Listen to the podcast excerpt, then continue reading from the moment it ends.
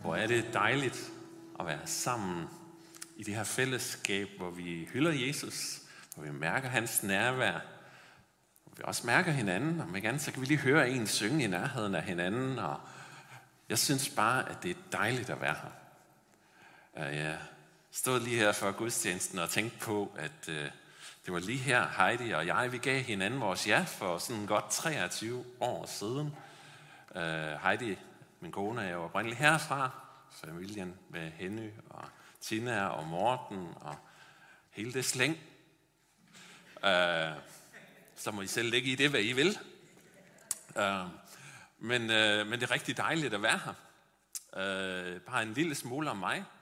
Uh, jeg bor i Kolding, men er oprindeligt her fra Fyn, fra Aarup herude på Vestfyn.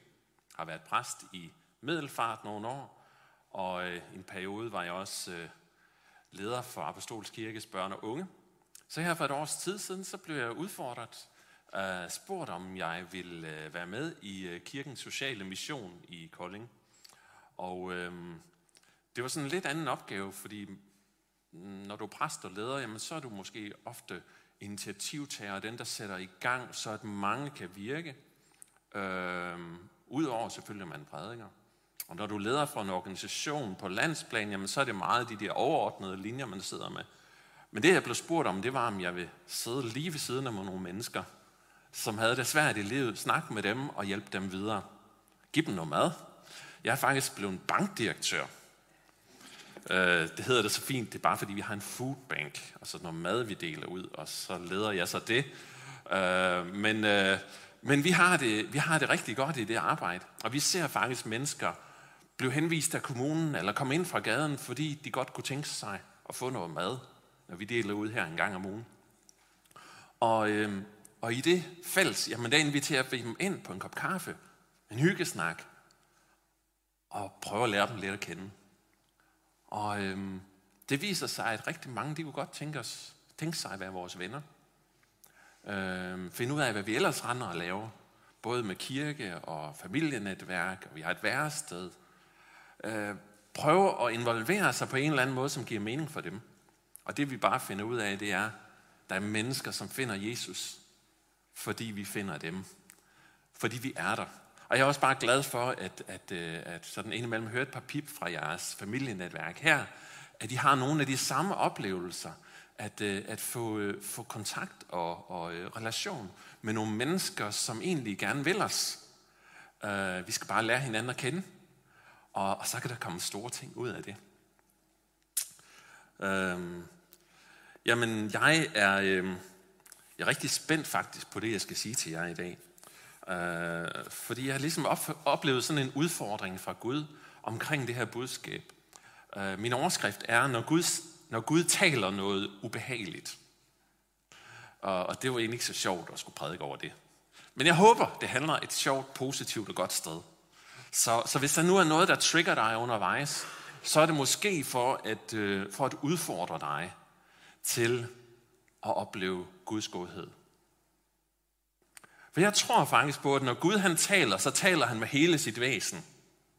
Han taler som hele den person, han er. Når Jesus gik rundt hernede og talte og snakkede med mennesker, hyggede og spiste en masse dejlig mad, så i det fællesskab, så sagde han noget, som udfordrede nogen vildt meget.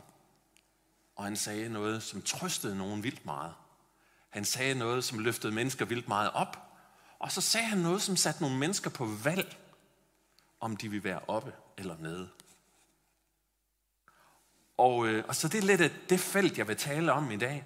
Det er, når Gud han øh, siger noget behageligt. Faktisk så kom det af, at jeg, jeg havde sådan en sætning, jeg havde hørt en gang, sådan en sætning fra Bibelen. Kender I det? Man har en eller anden sætning, man synes, den, den forbinder man med et eller andet positivt.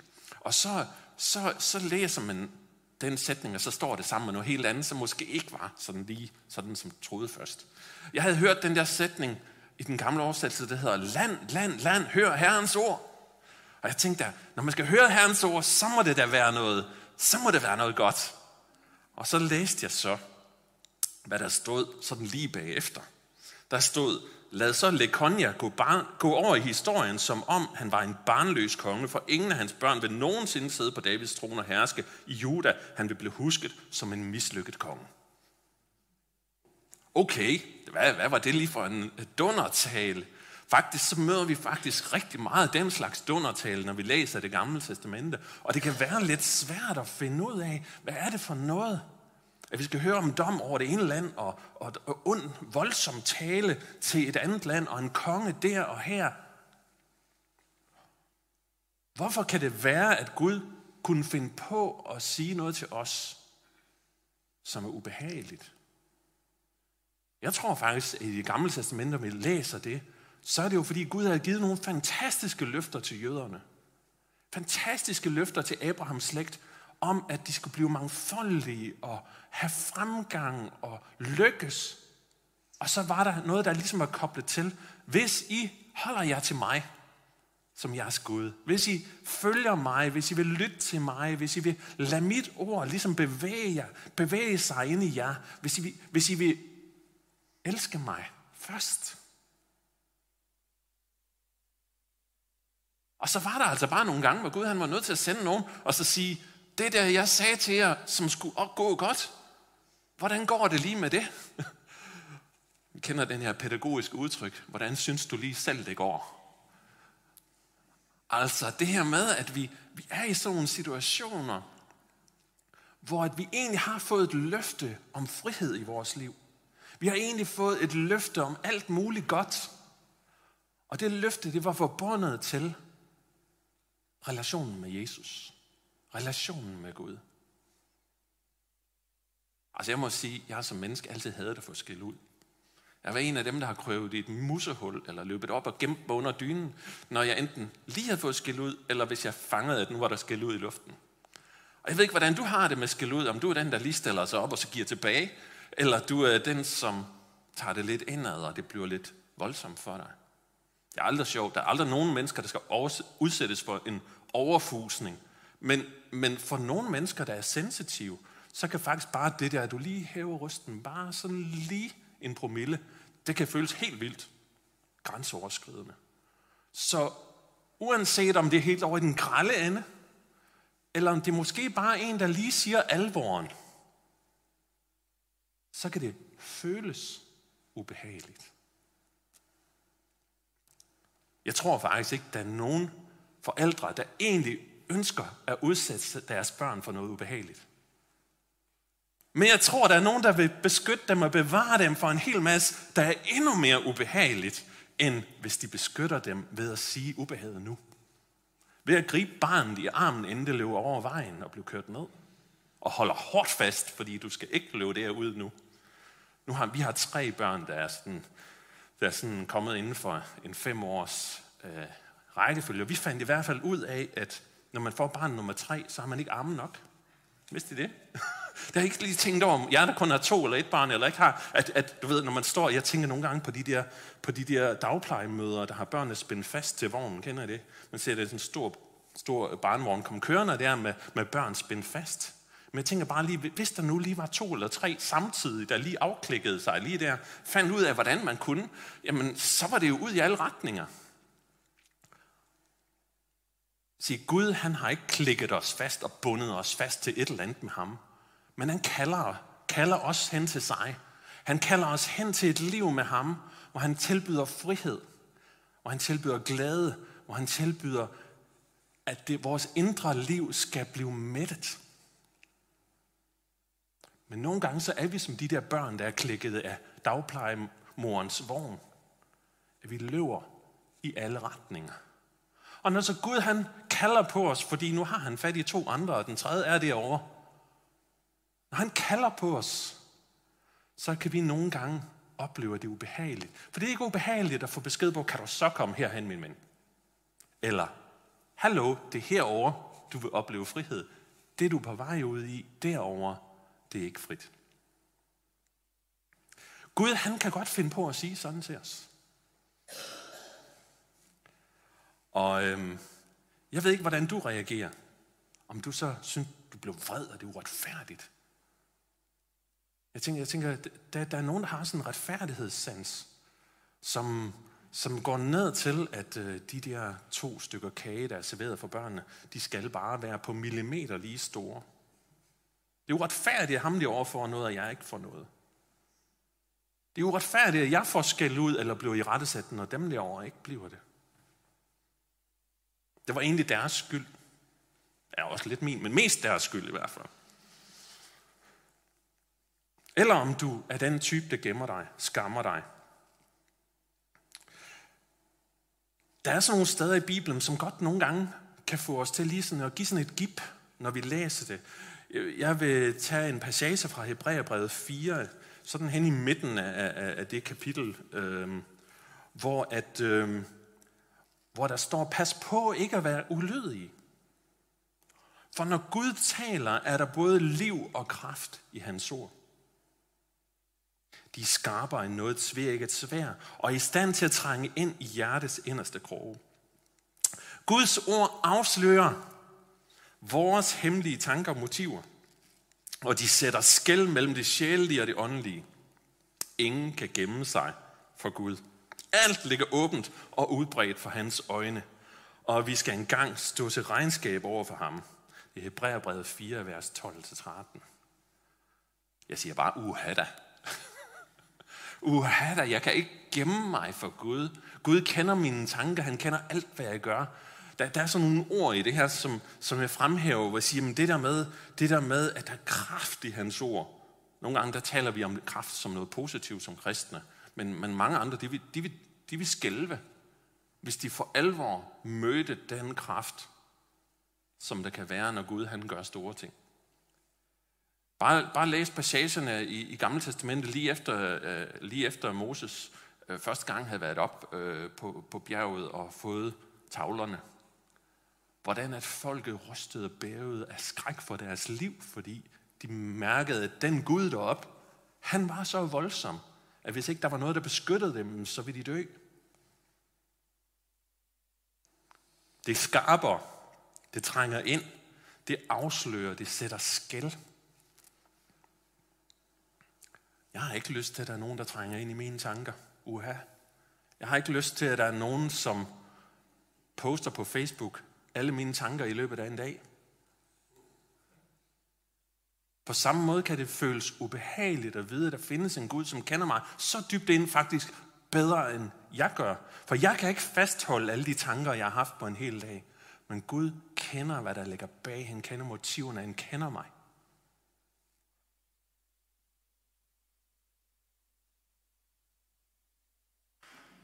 Og når man tænker på Gud på den måde, så, er det, så undrer det mig ikke, at der gennem tiderne har været nogen, som har været skrækslagen over for Gud.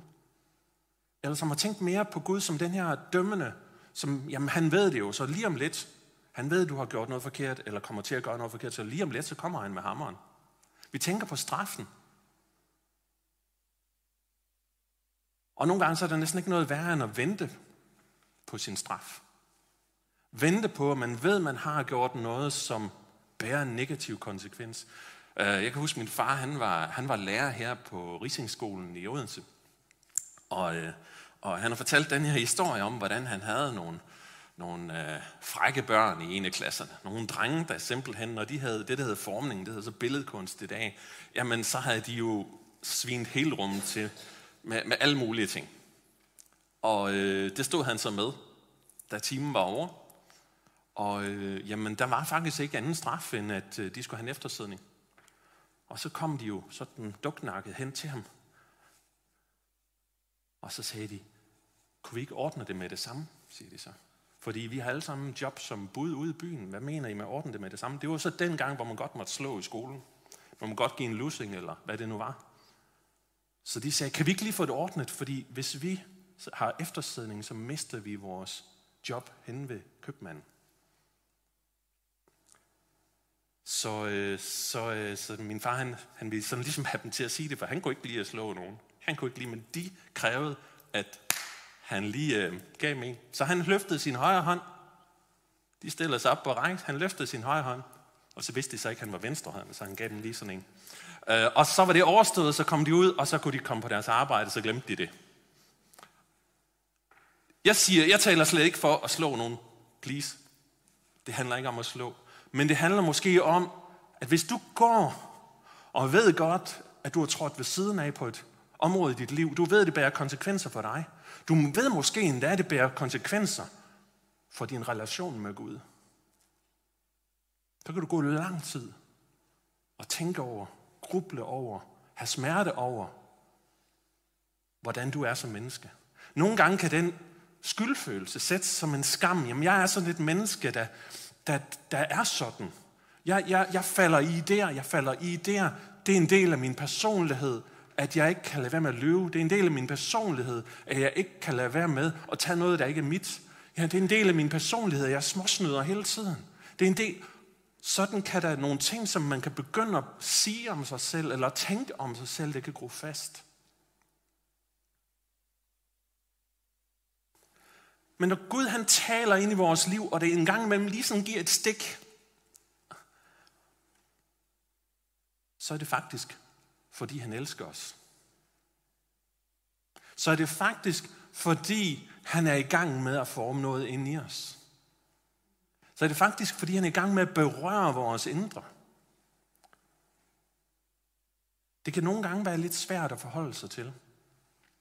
Fordi når du lytter til noget, der giver dig en skyldfølelse, så kan du enten have den her oplevelse af, at du ikke kan løbe væk fra det, at det er forfærdeligt, og det ligesom fordømmer dig.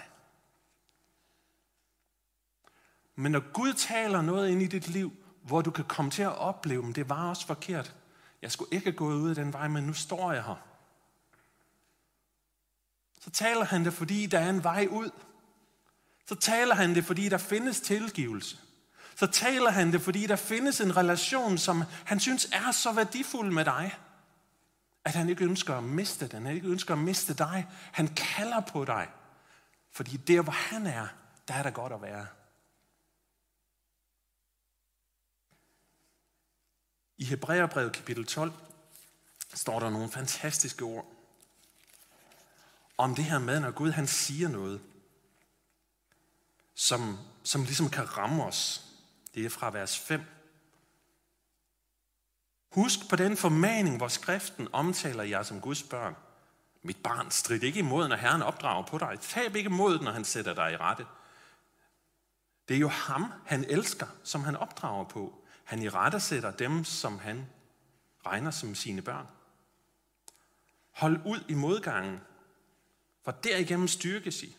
Gud behandler jer som en far, der opdrager sine børn. Kan man forestille sig et barn, der aldrig bliver i rette sat? Hvis I ingen opdragelse får, så betyder det, at I slet ikke er hans børn. Så her er der et ord fra Gud, om at han taler nogle ting ind i dig, ind imellem, hvor du lige mærker det stik, hvor du måske mærker en tyngde. Der er et eller andet her, som måske kunne være på en anden måde. Da Jesus kom herned, så kom han med det glade budskab. Og det glade budskab var, den indstilling, jeg har nu, den er ikke god nok.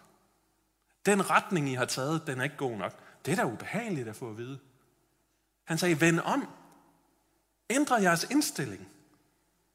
Det var det første budskab, han havde. Det første budskab var ikke, og velkommen i himlen. Det ville da ellers være et glad budskab.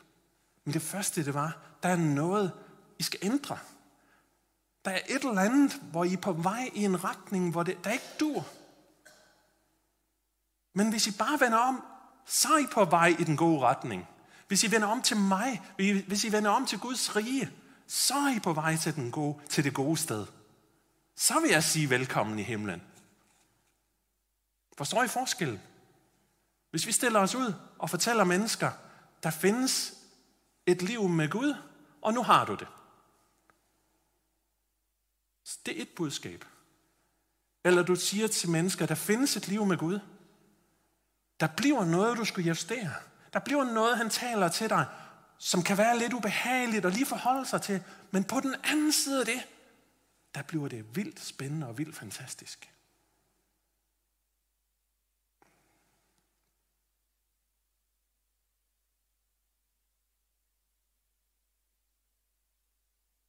Der står her øh, i vers, vers 11, så står der videre, en hver i rettesættelse er smertefuld, mens den står på, og bringer ikke umiddelbart glæde.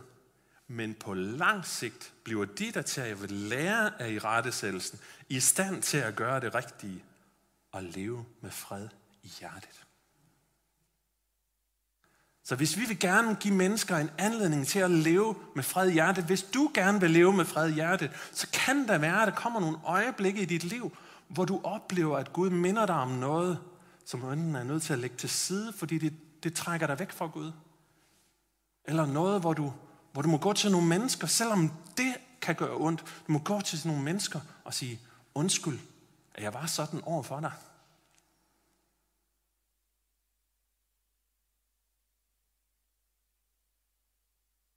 Ordet formaning er sådan i øvrigt sådan lidt sjovt, fordi, at, øh, fordi det har fået sådan faktisk en lidt tung karakter.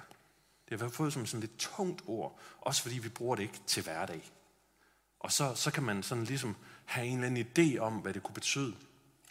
Og øh, jeg prøvede lige at grave lidt ned i, i det græske ord, som er oversat de her par steder, hvor jeg har nævnt ordet formaning. Der står faktisk, at det handler om at påminde, kalde på sig, kalde til sig, at opmuntre, at trøste, at bønfalde, at tilrettevise. Det er faktisk en primært en opmuntrende karakter. Så når der også står om profetiske ord, når de taler, så, skal, så står det, at de skal være til opbyggelse, formaning og trøst. Så ordet formaning, jamen det betyder, at det må godt i rettesætte, men i rettesættelsen skal have det opmuntrende formål. I rettesættelsen skal have formål at komme tilbage til Gud. At der er håb. Og det samme, når Gud han taler til os, så vil han aldrig tale og kalde på os for kun at komme hen til hammeren og blive slået i stykker. Han vil tale til os for at komme hen til ham, at vi bøjer os for ham, og han genopretter vores liv. 1. Johannes brev, kapitel 1, vers 5-9. Der står der om Guds tilgivelse til os. Men der står også, hvordan det vil være at leve uden Guds tilgivelse. Der står, at det budskab, som Jesus kom med, og som vi giver videre til jer, er, at Gud er lys. Der findes slægt intet mørke i ham. Hvis vi siger, at vi har fællesskab med ham, men samtidig lever i åndeligt mørke, så lyver vi og følger ikke sandheden. Men hvis vi lever i Guds lys, ligesom Jesus altid levede i lyset, så har vi fællesskab med hinanden. Og Jesu Kristi Guds søns blod renser os for alt synd. Der findes mange af den her slags skriftsteder i det nye testamente, hvor der står om Guds tilgivelse, som gives til os, fordi Jesus betalte prisen for os. Jesus har betalt for det, du har gjort forkert. Jesus har selv gået hele vejen. Faktisk er det sådan, at vi nogle gange forholder os til det der med, det der med, at vi gør forkert. At, at vores, vores sønder, dem skal vi ligesom betale for en af gangen. At vi skal huske alle de ting, vi har gjort forkert, og komme hen til Jesus og sige, at den ting har jeg gjort forkert, den ting har jeg gjort forkert, den ting, og den ting, og den ting, og den ting. Så, så nu skal du først lige finde ud af, om du vil tilgive det, Jesus. Så skal du finde ud af, om du vil tilgive det. Så skal du finde ud af, om du vil tilgive det. Så skal du... Og så bliver vores række af ting, som vi skal have gjort op med Jesus, den bliver så lang, fordi vi har måske et billede af, at Gud er en, som først lige skal finde ud af, om han vil tilgive, om lige den her ting kan tilgives. Jeg tror, det har noget med vores menneskelige indstilling og vores billede af Gud at gøre. Men er du klar over, at tilgivelsen den er givet en gang for alle? Da Jesus stod på korset, der er tilgivelsen givet.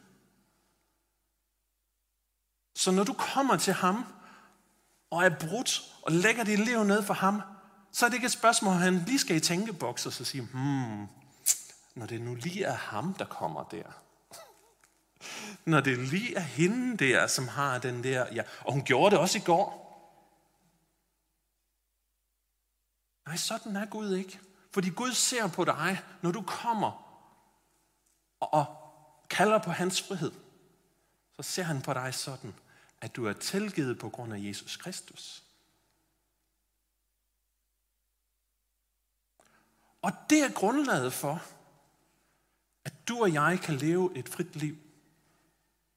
Ikke at vi kan leve et frit liv, hvor vi bare ødelægger vores relation med Gud ved at lade os drive hen, hvor vores lyster eller idéer eller dumme tanker leder os hen. Nej, men ved at vi kan komme til ham altid og være brudt. Vær, vær åbne. Vær i berøring med, at vi har også evnen til at synde. Vi har også evnen til at leve et liv, som, hvor vi begår fejl, og hvor vi er udfordret af vores liv, vores verden. Samtidig med, at vi er i berøring med hans hellige ånd, med hans ord til os, med hans virke i os, at han rent faktisk står og siger, kom til mig. Læg dine byrder. Det, du har gjort forkert, læg det ned ved mig. Mit blod, da jeg døde på korset, det rent for dig. Prisen var høj for at betale for din tilgivelse, men den var det hele værd. Det er det glade budskab. Det var det hele værd. Du har så meget værdi i Guds øjne. Menneskeheden har så meget værdi i Guds øjne, at han valgte selv at dø. Det er faktisk forskellen, tænker jeg, på alle mulige andre religioner, og så det at tro på Jesus. Det er, at i de andre religioner, der er det dig, der skal dø for Gud. Men her var det Gud, der døde for dig. Derfor kan Paulus sige i Romerbrevet 8.1, så er der da ingen fordømmelse for dem, som, hører, som tilhører Jesus Kristus. For gennem Kristus er jeg blevet sat fri ved Guds ånd, som bringer liv, og jeg er ikke længere under syndens lov. Jamen, hvad så når Gud siger noget ubehageligt til mig? Noget, hvor jeg, hvor jeg mærker det der stik, hvor jeg mærker, mm, det var måske ikke så godt, det jeg gjorde. Jamen, det vil altid føre dig hen til, at du på en eller anden måde er nødt til at kalde på Gud. Og sige, Gud, er der noget i vores relation, som jeg er nødt til at lægge ned? Er der et område, hvor, hvor jeg er nødt til at, at bøje mig for din måde at gøre tingene på? Er der et område, hvor du vil forløse en ny frihed i mit liv? Tilgivelse. Men vi har også en anklager. Bibelen kalder ham djævlen og fanden og ja, han har mange navne. Han er ikke et kært barn, men han har mange navne. Øhm, og når han kommer, når anklageren kommer, så, så, så, så, kan det, så kan det føles lidt som det samme sted, som han prikker. Det kan faktisk føles som om, han sætter fingeren ind på det ømme punkt, der giver det samme stik, som når Helligånden kommer, eller Gud kommer, og minder os om, at vores liv ikke er på ret kurs. Men der er en klar forskel. Fordi når han giver os den oplevelse, så vil han begynde at tale ord om, at du ikke er god nok til Gud. Og det der med, at du kan blive tilgivet, ja, ja, det er kun for nogle særlige. Ja, ikke dig. Har du, har du læst det skriftsted i Bibelen, hvor der står, at der faktisk findes synder, som Gud ikke kan tilgive? Og så kan du blive helt optaget af, at Gud vil mig nok ikke. Og du kan gå i lang tid med fordømmelse ind over dit liv. Du kan gå lang tid med et selvhad over, hvordan du er. Og det kan ødelægge et menneske. Det kan æde et menneske op indenfra. Og det ved han, og det bruger han mod os. Det bruger han mod et hvert menneske. Det er bare vigtigt at kende forskellen. Forskellen på det at erkende sin synd, at mærke, at der er et eller andet galt, og så komme til Gud med det. Og så forskellen på at føle fordømmelse ind over sit liv, og tænke, der er ingen udvej. Se, det er det, Paulus siger her. Det er du sat fri fra. Du er sat fri fra, at der ikke er nogen udvej. Du er sat fri fra det der syndens lov, som betyder, at du hele tiden skal overveje, om jeg nu kan komme ud af det her. Hvor meget skal jeg ofre for, at Gud måske vil tage imod mig igen? David han blev kaldt en mand af Guds hjerte. Og jeg har ikke set noget menneske begå så mange fatale fejl som ham. Han hoppede i sengen med naboens kone og fik nabomanden slået ihjel. Han, øh, han lavede nogle dumme fejl, hvor han vidste egentlig godt, hvad Gud ville, og så var der en stor del af befolkningen, der døde. Men der var noget i Davids indstilling. I hans opdragelse med Gud, hans gudsbillede, det var, at jeg kan altid løbe til Gud. Jeg kan altid løbe til hen til ham. Jeg må bøje mig. Jeg må blive knust. Jeg må tillade mig selv, at Gud favner mig midt i min svaghed. Det må jeg tillade.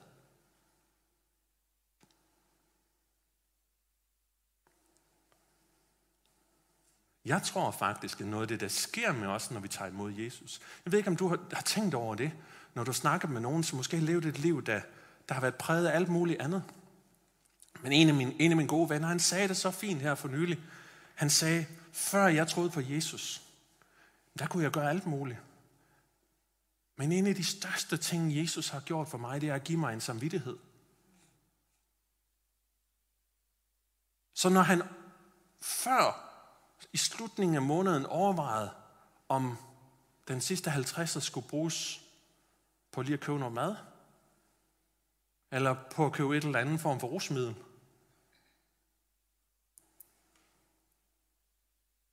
så blev det rosmel, og så måtte han jo lige snup en pakke kød inde i supermarkedet og putte ind under, fordi ellers han skulle jo også spise.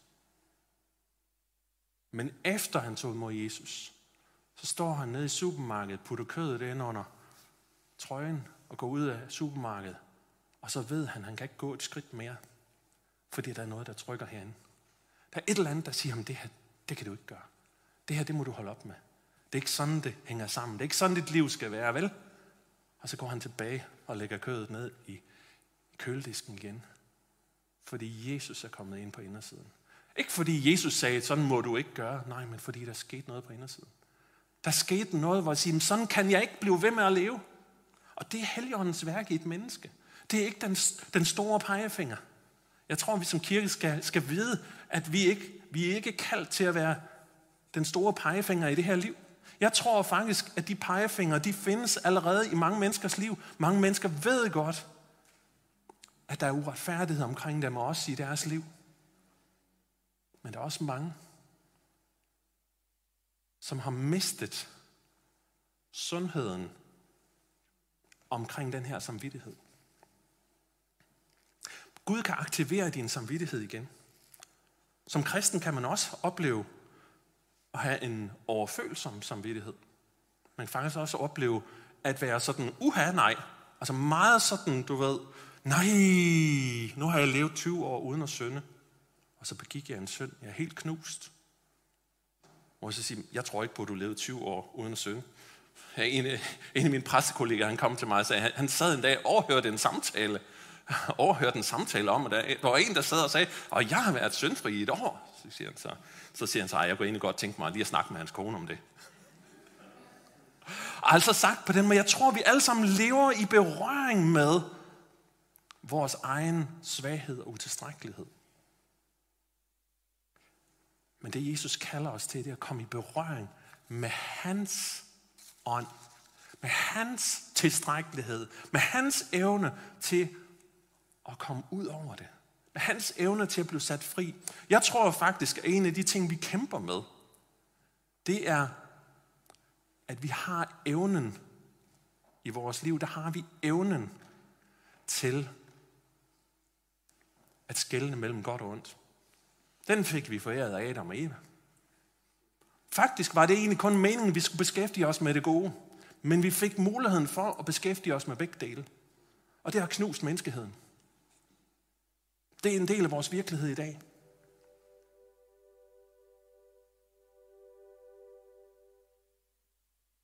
Men den virkelighed, vi også har i dag, det er,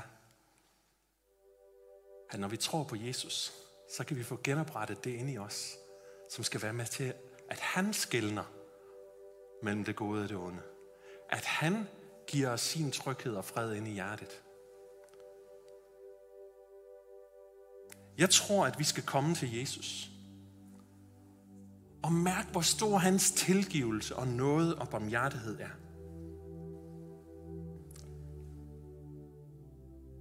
Jeg tror på, at vi skal tage imod noget, han har til os. Og jeg fik også bare sådan en sætning her på vej herover. at siden Adam og Eva kom ud af Edens have, så har Gud peget på konsekvensen af synd. Så har han peget på, at vi ikke kan komme hen til ham igen, uden at leve rigtigt. Og jøderne fik at vide, hvordan man skulle leve rigtigt, men de kunne ikke. Men siden Jesus steg ned fra korset og kom ud af graven, så har Gud peget på konsekvenserne af tilgivelse. Så har han peget på løsningen. Så har han sagt, her er den. Og jeg synes, det står så fantastisk beskrevet i Hebræerne 4, vers 14-16. Lad os derfor holde fast ved det, vi er kommet til tro på. For Jesus, Guds søn, som ser op over himlene, og nu er i Guds nærhed. Han er vores fantastiske ypperste præst. Han forstår vores svagheder, for han er ligesom vi været udsat for alle mulige fristelser, dog uden at på grund af for dem. Lad os derfor frimodigt træde frem for Guds trone. For han vil i sin nåde og barmhjertighed komme os til hjælp i rette tid.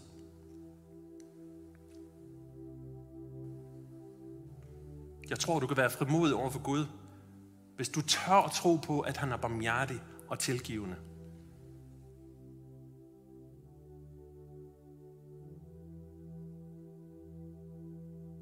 Jeg tror på Gud, han ønsker, at du skal være i berøring med smerten, som han kan give dig en gang imellem, når det giver et stik over, at du er på fejl vej. Samtidig med, at du er i berøring med glæden over tilgivelsen og friheden fra fordømmelse. Men du skal ikke leve et sekund længere i fordømmelse og skam. Kom til ham. Frimodigt. Kom nu. Han kalder dig ud af din sorg og depression over de forkerte valg, du har truffet.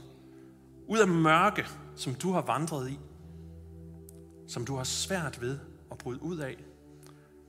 Ud af selvhad på grund af synd, du har begået, og vaner, du er fanget i. Han vil bringe dig ud af, ud af skammen over den, du er. Ja, lad os gå frimodigt til ham. Lad os bede sammen nu her. Far i himlen, jeg takker dig, fordi du er så god din tilgivelse er så stor. Du er den, som berører os, fordi du vil os det bedste. Tak, at du tager imod os, når vi er brudt. Tak, fordi at enhver ting, som ligesom har berørt os, hvor vi har gjort noget forkert, er du villig til at tilgive, fordi du har allerede gjort det på korset.